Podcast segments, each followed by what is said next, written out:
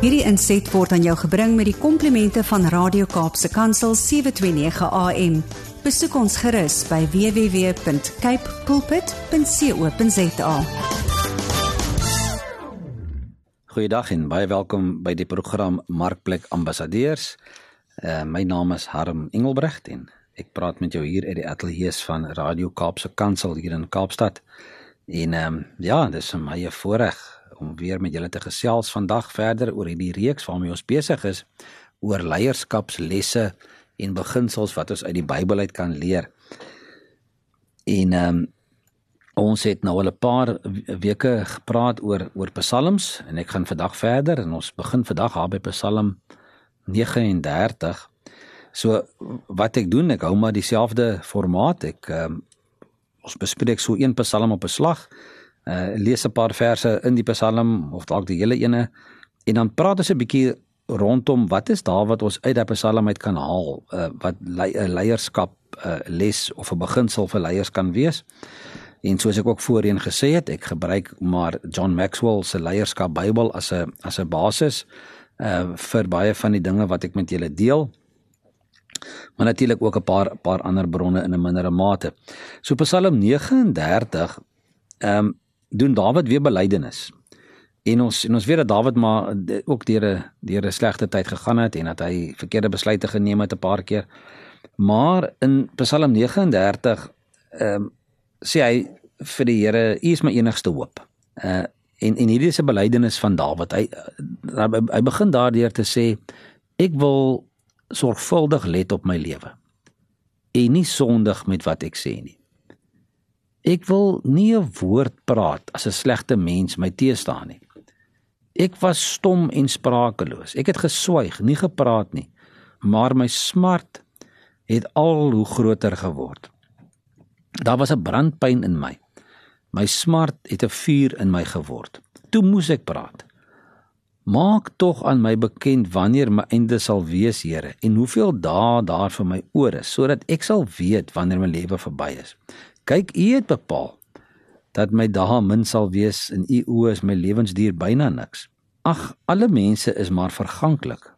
Die mens leef soos in 'n droom en hy sloof hom af vir niks. Hy gaar op, maar weet nie wie dit sal kry nie. Is daar nog hoop vir my, Here? U is my enigste hoop. Red my van al my teestanders. Laat my nie die spot van dwaase word nie. Ek kla nie. Ek maak my mond nie oop nie, want U het dit oor my gebring. Neem tog weg die smart waarmee U my getref het. Die las wat U my opgelê het, laat my krag ingee. As U 'n mens die straf oplê wat sy sonde verdien, verteer U hom soos 'n mot in kleed. Ag, alle mense is verganklik. Hoor tog my gebed, Here. Luister na my hulpgeroep. Moet tog nie koud staan teenoor my trane nie. Want ek is net op u beskerming aangewese. U alleen sorg vir my, soos vir al my voorvaders. Neem tog u straf van my weg, dat ek weer bly kan wees voordat ek heen gaan en nie meer daar is nie. So, hierdie Psalm ehm um, wat Dawid skryf is baie soos Psalm 90 wat Moses geskryf het. Want Dawid wys in hierdie Psalm dat hy bewus is daarvan dat 'n mens se tyd op aarde beperk is. En hy wil in hierdie verse by God weet hoeveel dae hy nog oor het. En alle leiers behoort dit te verstaan. uh, Verstandige leiers werk om die tyd wat hulle het ten beste te benut. So as 'n mens praat oor oor tyd en tydsberekening en dit wat die Here vir ons gegee het, dan weet ons daar staan ook dat ons die tyd moet uitkoop en dat ons die beste gebruik moet maak uh, van elke geleentheid, maar ook in Efesiërs uh, hoofstuk 5 van vers 15 tot 17 staan die volgende geskryf: Wees baie versigtig hoe jy lewe. Nie soos onverstandige mense nie, maar soos verstandiges Maak die beste gebruik van elke geleentheid want ons lewe in 'n goddelose tyd. Moet daarom nie onverstandig optree nie, maar probeer te weet te kom wat die Here wil hê dat jy moet doen. Daar's 'n Amerikaanse ehm um, deskundige oor leierskap en bestuur uh, wat al baie keer gepraat het en boeke geskryf het. Sy naam is Pieter Drucker. En hy het dit so opgesom. Hy het gesê goeie leiers neem eers hulle eie tyd in oënskou voordat hulle die taak begin beskou. Nou dis maar 'n tipe tipiese ding van om te kyk, jy weet, om jou tyd te bestuur. Hoe lank gaan die ding my vat om te doen? Jy weet, moet ek my tyd daarin spandeer of nie? En die leier moet homself afvra of 'n besondere taak die tyd werd is wat hy of sy daaraan gaan bestee. En wat sou gebeur as as jy dit self doen nie? Is daar iemand anders wat die taak dalk net so goed soos jy kon doen?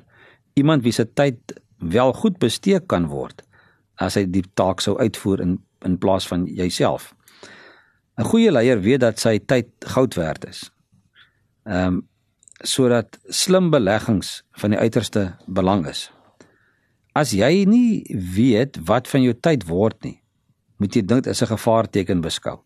As jy dit reg kry om bietjie tyd af te knyp en dit later bymekaar te sit in in in bymekaar te sit en dan 'n taak uit te voer wat die moeite werd is, dan is dit ehm um, ja, dan het jy eintlik 'n groot ding bereik. Leiers wat hulle minute en ure verstandig bestuur, kry dit maklik reg om hulle dae ook ten beste te benut. Ja, en en en 'n bietjie uh, buiten van wat nou hier staan, deesdae weet hoeveel tyd word gemors. Ehm um, jy as leier sit en jy moet jy moet iets uitvoer en beplan take uitvoer, maar ons stel uit en ons stel uit want daar's soveel dinge wat jou tyd steel. Ehm um, uh tyd op sosiale media. Uh jy weet daar's daar's daar's dinge wat 'n mens doen waar jy tyd spandeer wat dalk nie noodwendig nodig was nie.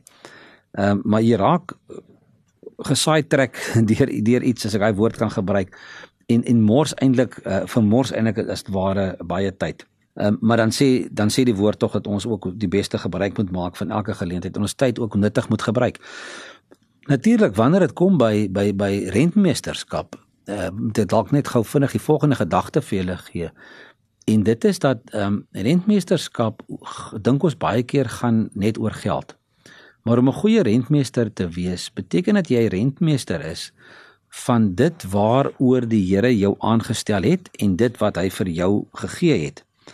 En ons praat ek praat sommer van die 3 T's in in in rentmeesterskap, uh, time, talent and treasure. Maar dan is er nog enetjie by wat ook mense is, né, nee, soos in time, talent, treasure and people. So wat het wat het God vir jou gegee um, of jou oor aangestel waaroor jy 'n goeie rentmeester moet wees?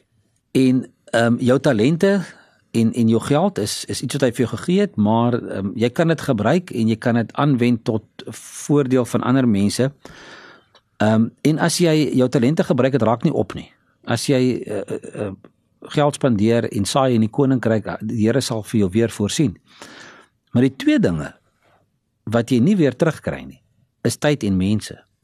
So as jy jou tyd gemors het en jy het mense verkeerd behandel, dan het dan is dit moeilik. Mense kan dalk nog uh, terugkom, maar ehm, 'n um, persoon wat jy sleg behandel het en as gevolg daarvan tot drastiese stappe oorgaan, is dit is dit weg, dit is vir altyd verby. Tyd ook. Tyd is iets wat jy glad nie kan terugkry nie. So wanneer jy tyd spandeer aan 'n persoon, is dit eintlik die beste belegging wat jy kan maak. Want daai persoon weet dat jou jou kosbare tyd het jy aan hom afgestaan of aan haar afgestaan en jy kan dit nie terugkry nie. En daardie persoon oor wie God jou aangestel het, word daardeur verryk. So let ook op wat jy met die tyd doen wat jy het om met mense te spandeer. So dit gaan oor oor tyd en wat jy met jou tyd doen uit Psalm 39 uit. Dan Psalm 40 ehm um, gaan weer oor oor vertroue. En Psalm 40 sê uh, die opskrif ehm um, is eintlik 'n uitroep wat sê Here red my tog. En en Psalm 40 ehm um, ehm um, begin deur te sê nou sê Dawid hierso ek het gesmag na die hulp van die Here. Hy het na my toe afgebuig en my gehoor. Hy het my uitgetrek uit die put van die dood, uit die slijmerige modder en my op 'n rots laat staan en my weer op vaste grond laat loop. Dat mens sommer dink aan daai liedjie wat sê ehm um, dat hy dat hy my gered het, né? Hy het hy het my uitge, uitgered uit die uit die uit die uit die uit die uit die modder. Hy sit nou weer op vaste grond. Hy het my uh, vers 4, hy het my 'n nuwe lied in die mond gelê, 'n loflied vir ons God. Baie sal daarvan hoor en hom die eer toebring Hulle sal op die Here vertrou. Vers 5 en ons nou 'n paar keer al dit hierdie hierdie hierdie hierdie tema gehad. Dit gaan goed met die mens wat sy vertroue in die Here stel en hom nie wend tot duister magte en tot mense wat hulle met skyngode ophou nie. Here my God, U het baie wonderlike dinge gedoen. U dink altyd aan ons. Daar is niemand soos U nie. Ek sou daarvan wou vertel en daaroor praat, maar daar's net te veel om op te noem. Dit is nie diereoffers of graanoffers wat U wil hê nie. Nie brandoffers of sondeoffers wat U vra nie. U wil gehoorsaamheid hê.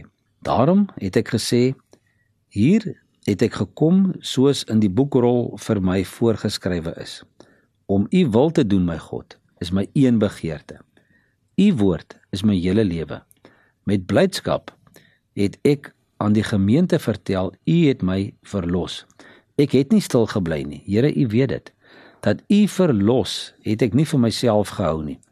Ek het gepraat oor U trou en U hulp. Oor U goedheid en U trou het ek uh, in die gemeente nie stil gebly nie. Moet my tog nie uitsluit van U ontferming nie, Here. Laat U liefde en trou my voortdurend bewaak. Want ramp op ramp het my oorval. My ongeregtighede het my ingehaal. Ek weet nie meer waarheen nie. Hulle is uh meer as die hare op my kop. Ek is moedeloos. En dan sê hy in vers 14: Here, red my tog asseblief. Kom my tog gou te hulp. Laat die wat my lewe wil neem self in die ellende beland. Teleurgestel in hulle verwagting. Laat die wat graag my ondergang wil sien op die vlug slaan en beskaamd staan. Laat die wat my spot verbuisterd staan omdat hulle self in die ellende beland het. Laat almal wat by U hulp soek jubel en bly wees oor U. Laat die wat op U hulp staat maak altyd sê die Here is groot. Ek is hulpeloos en arm, maar die Here dink aan my. U is my hulp en my redder. My God, moet tog nie talm nie. So koning Dawid het eerstehandse kennis gehad van swaar kry veral die soort wat 'n mens jouself op die hals gehaal het. Deur die genade van die Here het hy ook geweet waarheen om hom te wend in sy swaar kry tye. Die mens na God se hart volgens wat ons in Handelinge 13:22 lees, het nooit gehuiwer om in moeilike tye die Here op te soek nie en dan nooit geskroom om God se goedheid te verkondig aan almal wat wou luister nie.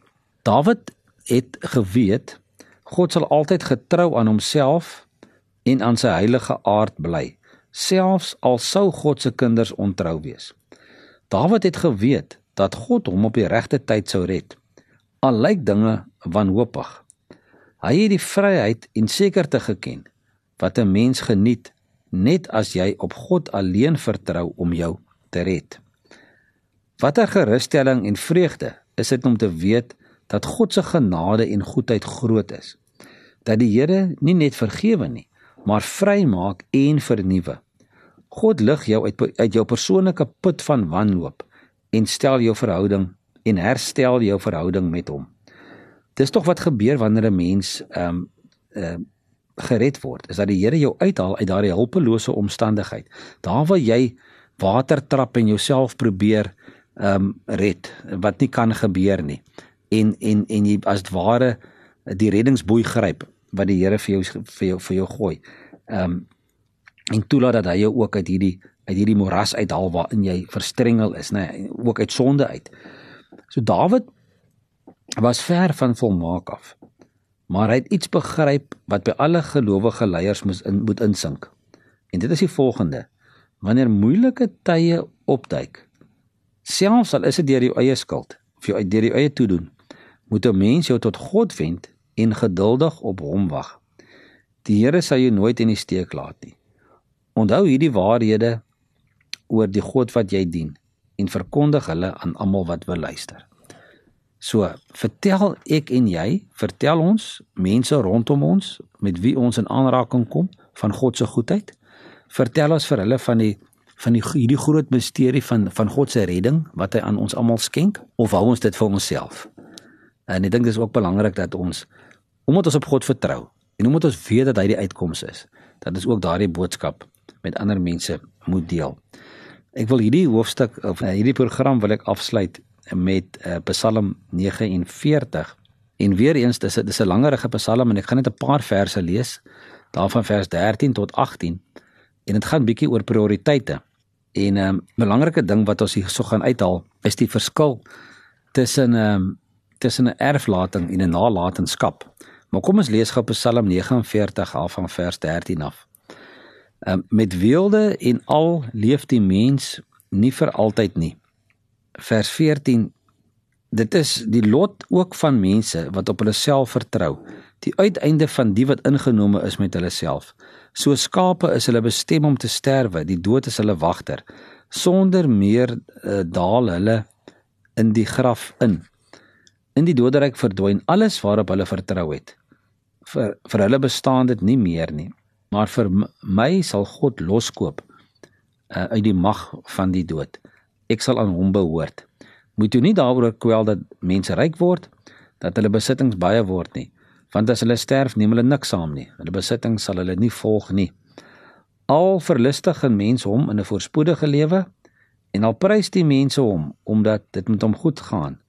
So sy voorvaders sal hy ook moet sterwe en hy sal die lig ook nooit weer sien nie. So Psalm 49 vers 13 tot 18 gaan bietjie oor prioriteite. En God spoor ons aan om ons oë te vestig op die ewige dinge.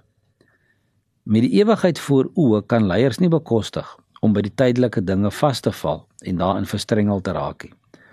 Leiers mag nooit toelaat dat die strewe na rykdom of mag hulle enigste ehm um, aansporing is nie. Nie net 'n visie wat 'n mens uh, self oorleef. 'n Visie met 'n ewigheidsdoel kan vir 'n gelowige leier vervulling bring. Met ander woorde, jy moet jou nalatenskap bou. Wat gaan jy nalat wanneer jy nie meer hier is nie? Vers 17 en 18 van Psalm 49 sê vir mense jy kan niks saamvat nie. Maak nie saak hoe ryk jy was nie of is nie. Wat sal jy dan nalat wat blywende waarde het?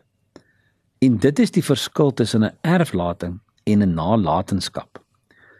Enigeen kan 'n erflating maak. Erflating is dit wat jy in jou familie en jou geliefdes los, ehm um, sodat dit ook maar uiteindelik kan vergaan. 'n Nalatenskap is egter iets wat jy vir jou families nalat in hulle. So kom ek sê dit gou weer. 'n Erflating laat jy na aan mense, maar 'n nalatenskap laat jy na in mense. So die verskil tussen erflating en nalatenskap, erflating is iets tasbaar wat jy aan mense gee. 'n Nalatenskap is iets wat jy in mense agterlaat. 'n Erflating verskaf tydelike geluk. 'n Nalatenskap het 'n permanente invloed. 'n Erflating vergaan na mate dit gebruik word, maar 'n nalatenskap oor hoe leef lank na jou dood. 'n Erflating, ehm um, jou arbeid werp dalk vrugte af of nie. Nalatenskap, jou arbeid is altyd ehm um, waardevol. As ons maar vandag kyk, wat is dit wat mens onthou van van mense van 'n paar geslagte terug? Jy gaan miskien onthou van die baie wat die persoon gehad het of wat hy nagelaat het.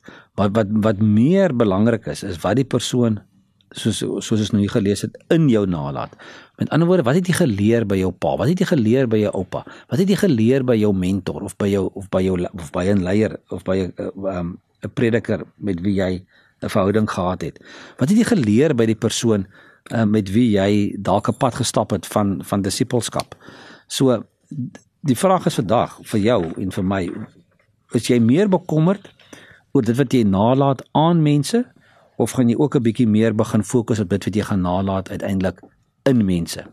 So kom ons kyk ook hierdie week hoe ons dit ook kan kan regstel en gaan lees gerig gerus ook weer Psalm 49 en kom ons kry ons prioriteite reg wanneer dit gaan oor 'n nalatenskap en 'n erflating. Dit was die program Markplek Ambassadeurs. Ek is Harm Engelbrecht van CBMC. As jy met my wil kontak maak, stuur vir my 'n e-pos na admin@cbmc.co.za of gaan besoek gerus ook ons webwerf www.cbmc.co.za. Ek groet julle tot volgende keer. Totsiens. Hierdie inset was aan jou gebring met die komplimente van Radio Kaapse Kansel 729 AM. Besoek ons gerus by www.cape pulpit.co.za.